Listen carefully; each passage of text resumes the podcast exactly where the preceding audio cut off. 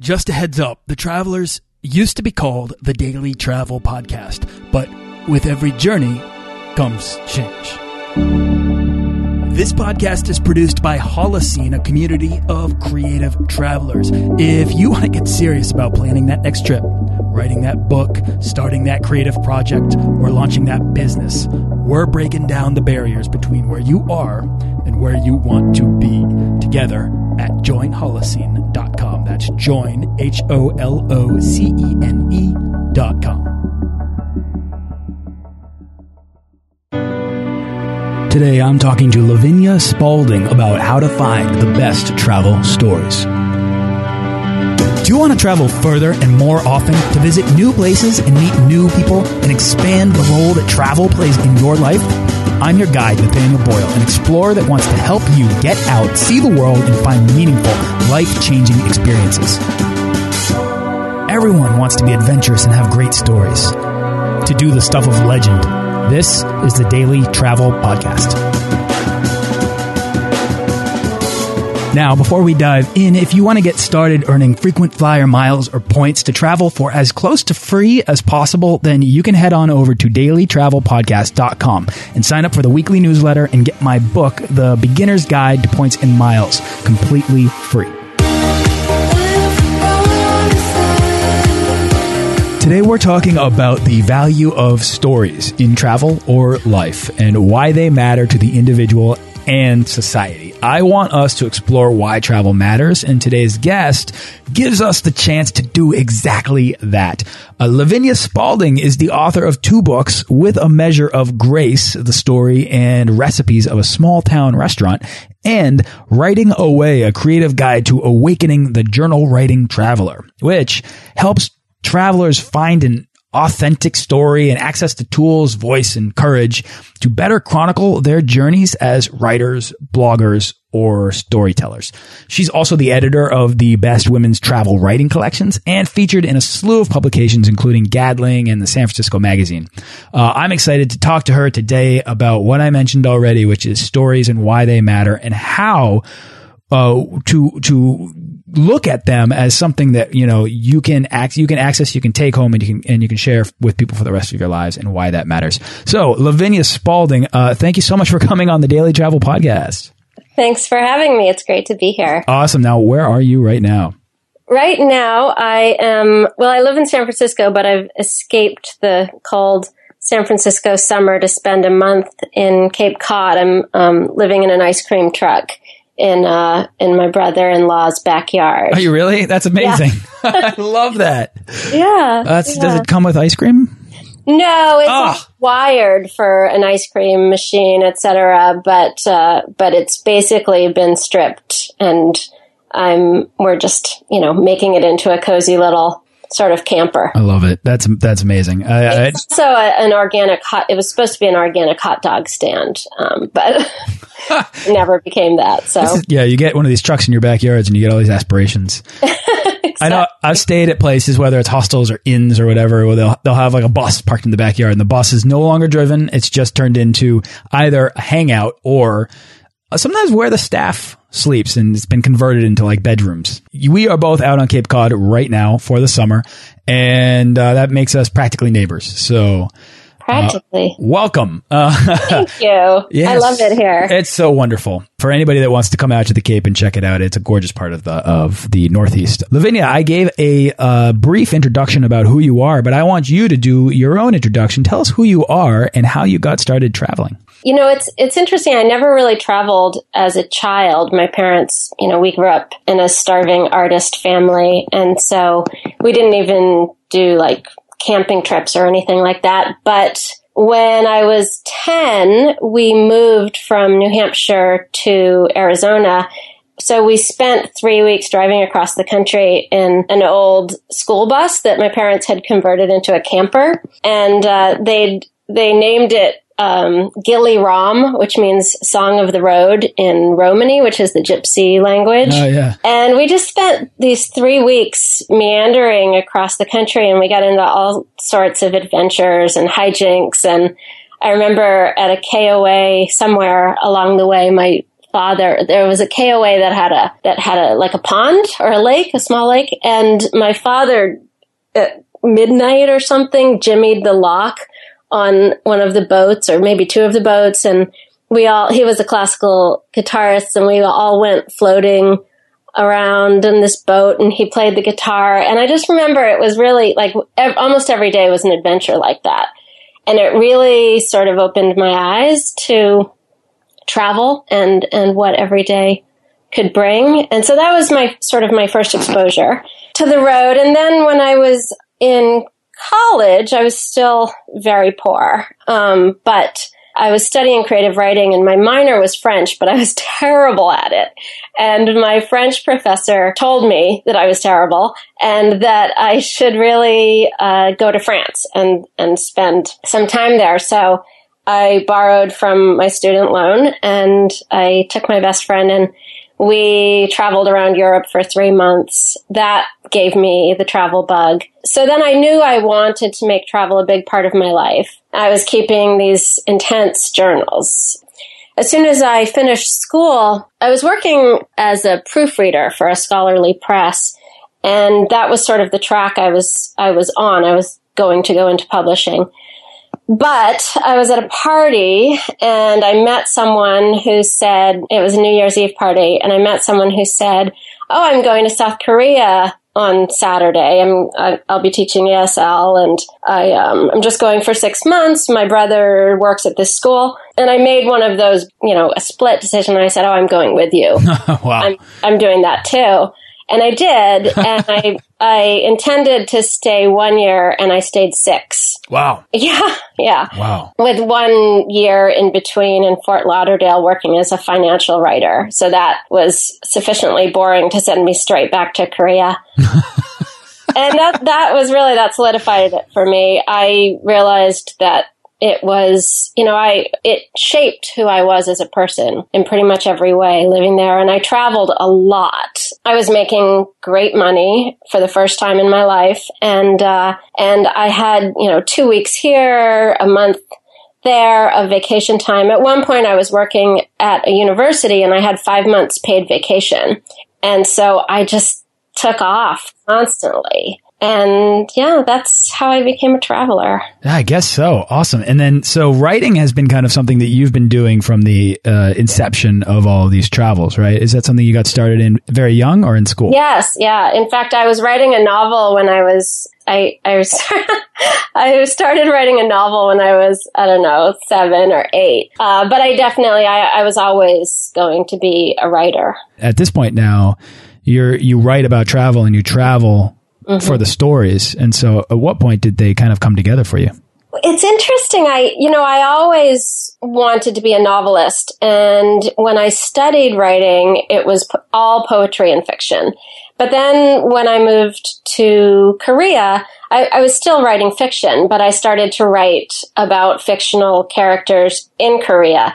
And at some point, I realized that the experiences that I was having and that the people I was meeting were actually more interesting than the ones I was making up in my head. And I realized that I had, by traveling, I had made my life more interesting. And, and so I could just write the truth. I could write the facts and, and it was more interesting to me than these make believe stories. So that's how I transitioned. And so I, I started writing um, about Korea for literary journals and magazines and so forth. And I didn't really look back. I, I write about food too. Um, so you know, it's it's not the worst thing to combine food and travel. It's you know, it might be the best thing. In fact, it might be the single best thing there is. Two things that I'm pulling out of what you're saying are curiosity and imagination. It's almost as if your travels have kind of sparked this hunger for your curiosity. You know, in a in a way that you can only do by traveling more. And, uh, and then the more you travel, I, I, feel the more imaginative you become. And then the more imaginative you become, the more questions you ask and the more you want to write about that. And you're saying that from your experiences, you were able to kind of stop writing about what you were predicting to be true and instead actually get down the facts. The imagination and the curiosity can kind of fuel the work and then the work becomes the result of the experience. Absolutely. Well, I think there's, you know, there's really nothing like travel to awaken your mind and kind of crack open your brain and, and make you see everything in a brand new way with the eyes of a child. You know, that old cliche, but it's totally. true. It's totally and true. Travel is so much to me. It also, I think, just makes people become better people. It makes you more tolerant and more patient and, and it, be, it makes for kinder individuals. I almost think it's a moral imperative to travel. I know that not everyone can afford to, but in my perfect world, everyone would travel for at least a year or two because it does it does teach you to become a more connected and, and tolerant human being. But absolutely, it makes it makes everything more more alive i guess yeah i mean that's kind of the simple way of putting it right it's that it's that idea that like to see things with a childlike sense of wonder or awe uh, is kind of the old cliche, but to dive deeper into that, it's it really kind of roots itself in imagination. And I really want this show to be kind of, if you could boil this this whole show down to one purpose, and I think that purpose is to um, encourage people to cultivate their imaginations through travel. Travel does it really well. It has this sort of way of dutifully porting your mind into a new state so that wherever you are, you're kind of open, you're cracked open and you're, and you're looking at it because it's new, it's foreign, you're paying deeper attention to it, or you're in kind of a play zone similar to, a, similar to the mindset that you had when you were a kid in your backyard out exploring like Calvin and Hobbes. Now it's, it's you in the world out there exploring. And it's that same sensation except the difference is now you're an adult and your imagination is just as alive in these moments as it was when you were a kid. And to me imagination is so valuable for all the reasons you just said lavinia about uh, being able to sort of project yourself onto other people or understand where other people are coming from or why they are the way they are and having a greater visibility and understanding of different cultures and different people and stories stories are an amazing way to do that and that's what I that's why I wanted you to come on the show and really discuss with us today because I think it really matters and I want people to kind of recognize that that value that lies in travel and that you know it's so as to not squander it on your next right. trip Right. I think, you know, it's ideally that is all true. Ideally. But um and not to play any sort of devil's advocate but then why not? But i read this quote a long time ago um and it really stuck with me. And it's by a persian poet sadi. I don't know if i'm pronouncing his name correctly. But he said a traveler without observation is a bird without wings. Mm. and uh and i think that it it really that moved me a lot because I I think that it's becoming increasingly easy to take travel for granted. It's yes. easier. It's so much easier to do now. And you really, you know, there, you can just country hop, you can country count, you can sort of swoop in and out of places and just, you know, Instagram your way through and, and come home. And and to me, that's really a shame. So that's kind of, that's why I wrote my book about keeping travel journals because I think that it's, it's becoming increasingly important to really kind of force yourself to slow down and pay closer attention when you're traveling and to actually be really purely in every single moment and to connect more deeply because it's it's too easy not to nowadays. Yes. You know, Lavinia, was there a moment in your travels that inspired this perspective on why travel matters? Yeah, every single moment. That's the perfect answer. I had this really, I had so many incredible experiences, but one experience that really stuck with me was my best friend and I went, we were in Rome and we went to um, St. Peter's Basilica mm -hmm. and we met these guys who worked there, these Italian men. And it wasn't a romantic thing, at least not from our perspectives. We were both uh, in relationships back, you know, with guys back home, but we ended up becoming friends with these two guys and they asked us if we wanted to go out that night and we said yes and and then of course we were becoming nervous about having agreed to go out with these strange men and I remember we were getting ready to go out and we had taken a picture with them at the Vatican and my best friend said, okay, I know what we'll do. We'll leave a note in the room that says, if anything happens to us, uh, we were with the guy who was in the picture and the last picture on our roll of film. He works at St. Peter's Basilica. and we both suddenly realized, wow, that's so absurd. Wow. Like he works at St. Peter's Basilica. What's going to happen to us? And, and so we went out with these two guys and he had the most amazing adventures. He, you know, they took us to some crazy little dive in a back alley and they, they drove us around to see all the recent bombing sites. It was uh, the summer that the Uffizi Gallery and a couple of other places had been bombed. Wow. And they took us, um, you know, to see this incredible view of the city. They were perfect gentlemen and they capped off the evening. And maybe this was, you know, their, their ritual that they, that where they took all their Amer- young American travel friends, but they, they ended up, there was this huge monastery at the top of a hill. And when you look through the keyhole of the door, it frames, it perfectly framed the Duomo, the, the dome. And it was, um, it was just the most magical thing I'd ever seen. That really struck me as important that we had sort of trusted our guts mm-hmm. that we trusted these guys and that we could go out and with them and that it would be safe, even though we were, you know, two young women traveling alone. It was just a really magical travel experience and, and I've never forgotten it. And I think that that definitely set the stage for me to to be to to make myself vulnerable. yeah, I, I love that. I mean, that's exactly it. It's those unexpected stories, those stories that we discover by happenstance or that occur to us rather than us seeking them out. Mm -hmm. It's the unex it's the unexpected where there was no expectation placed on the experience that you're hoping to have, and instead going down the rabbit hole of an experience that has found you and just kind of trusting that something good is going to happen. Sure enough, it does. Um, you know, I'm I'm just curious. I want to ask you, based on what you just said, uh, and as somebody who speaks a lot about stories, and this is for writers or travel bloggers or anyone who isn't a writer and is just a, a traveler and wants to wants to find the best stories or have the best stories happen to them. How do you help people find the best stories on the road?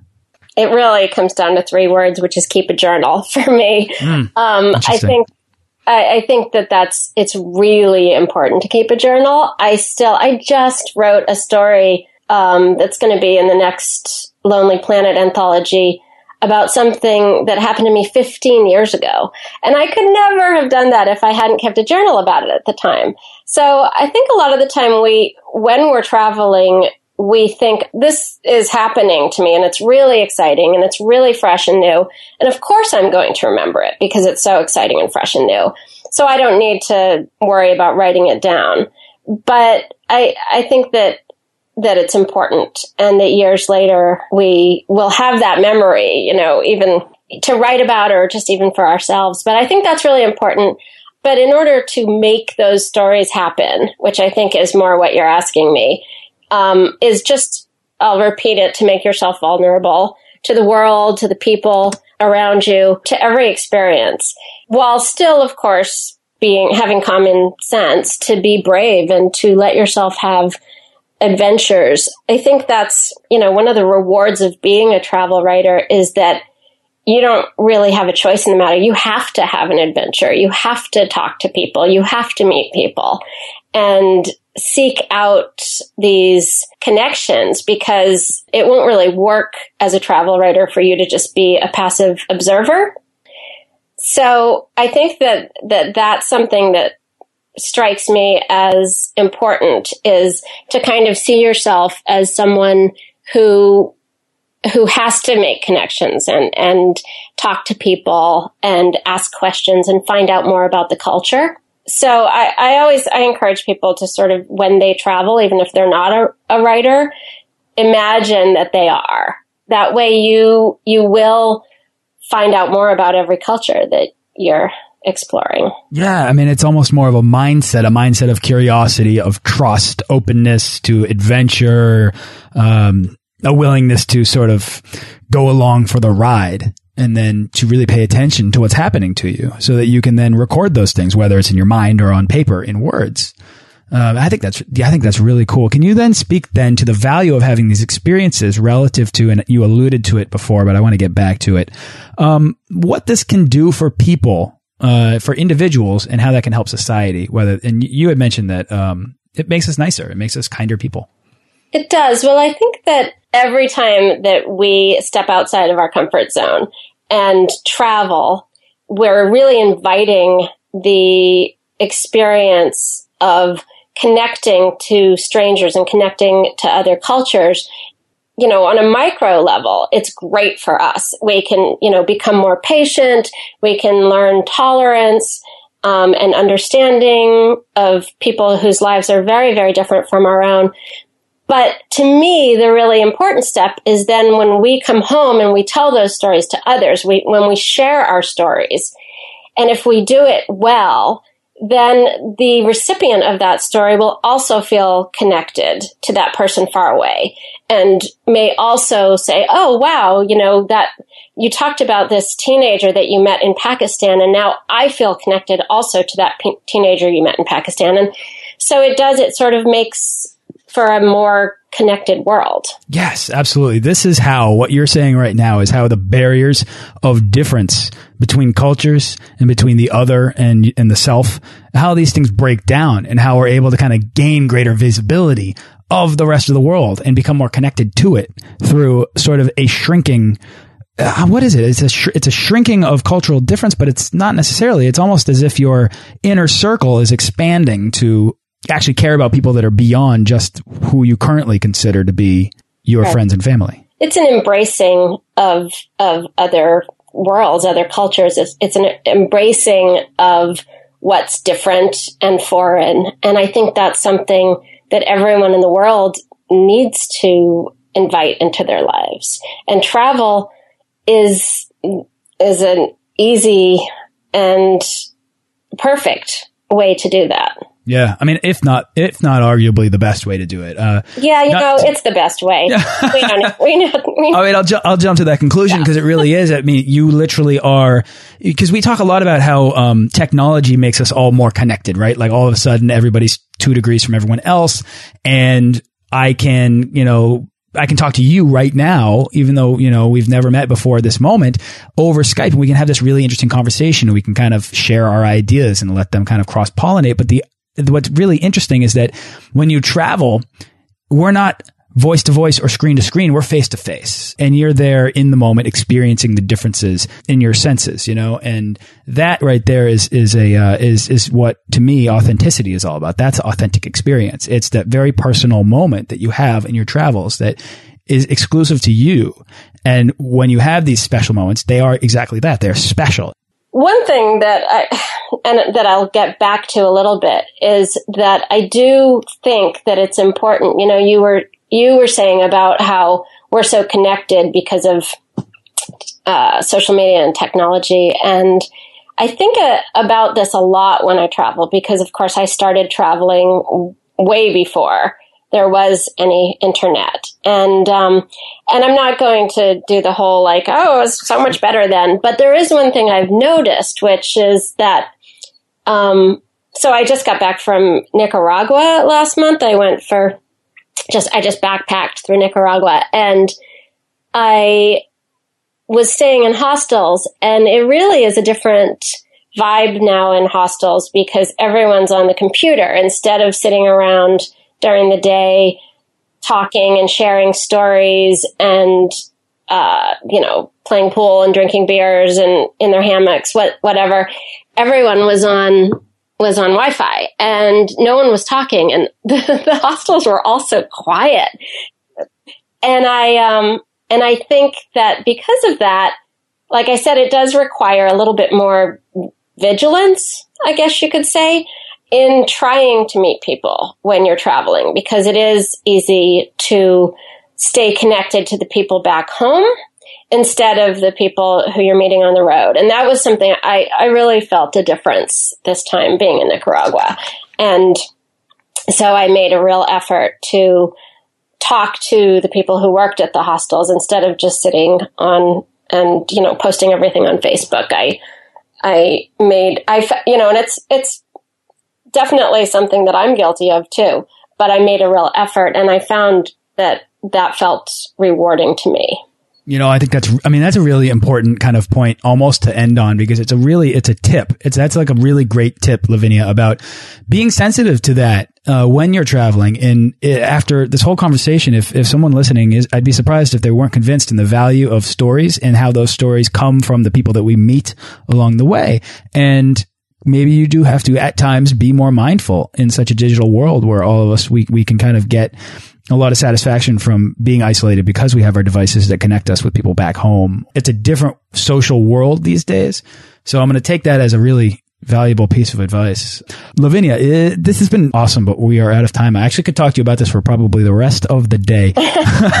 Is there anything else though you, that you'd like to share about travel before we wrap up? Well, I guess what I'd just say is to make it a priority. Travel, it's not a lark. It's not a treat.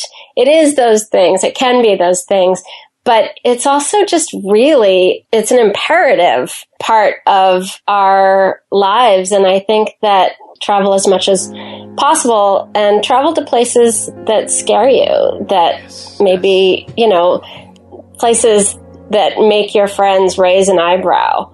Yes. And yes. choose places for that reason because they won't always be, you know, scary to your friends. At some point, they'll they'll be the place that is the most traveled and so you know go to the places that scare you and talk to people and i don't know and then come back and tell their stories i think it's important I love it. And that, that fear, that of that fear that you have associated with any place out there doesn't have to be a drastic one. Just take that step towards going to doing something that's outside of your comfort zone.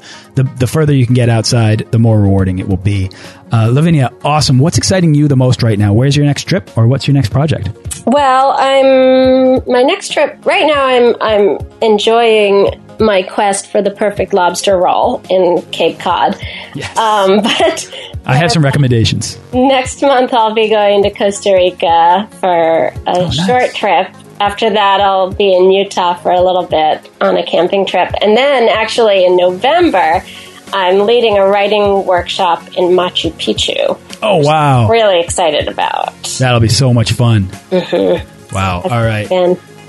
Well, for anybody that's like interested in that sort of thing or interested in everything you have to say or wants to check out your book to help them become a better writer or become a better travel journalist, if you will, um, where can people go to find out more about you? Um, LaviniaSpalding.com. Um, it's all there. Lavinia Spalding, thank you so much for coming on the show. This has been really uh, uh, invigorating conversation for me. Oh, thank you, Nathaniel. It's been wonderful for me too. Thanks for listening to this episode of the Daily Travel Podcast. For show notes and links to everything in this episode and more, head on over to dailytravelpodcast.com. Join our Facebook page of explorers and subscribe to our newsletter for the best deals and resources to help make your next trip life changing.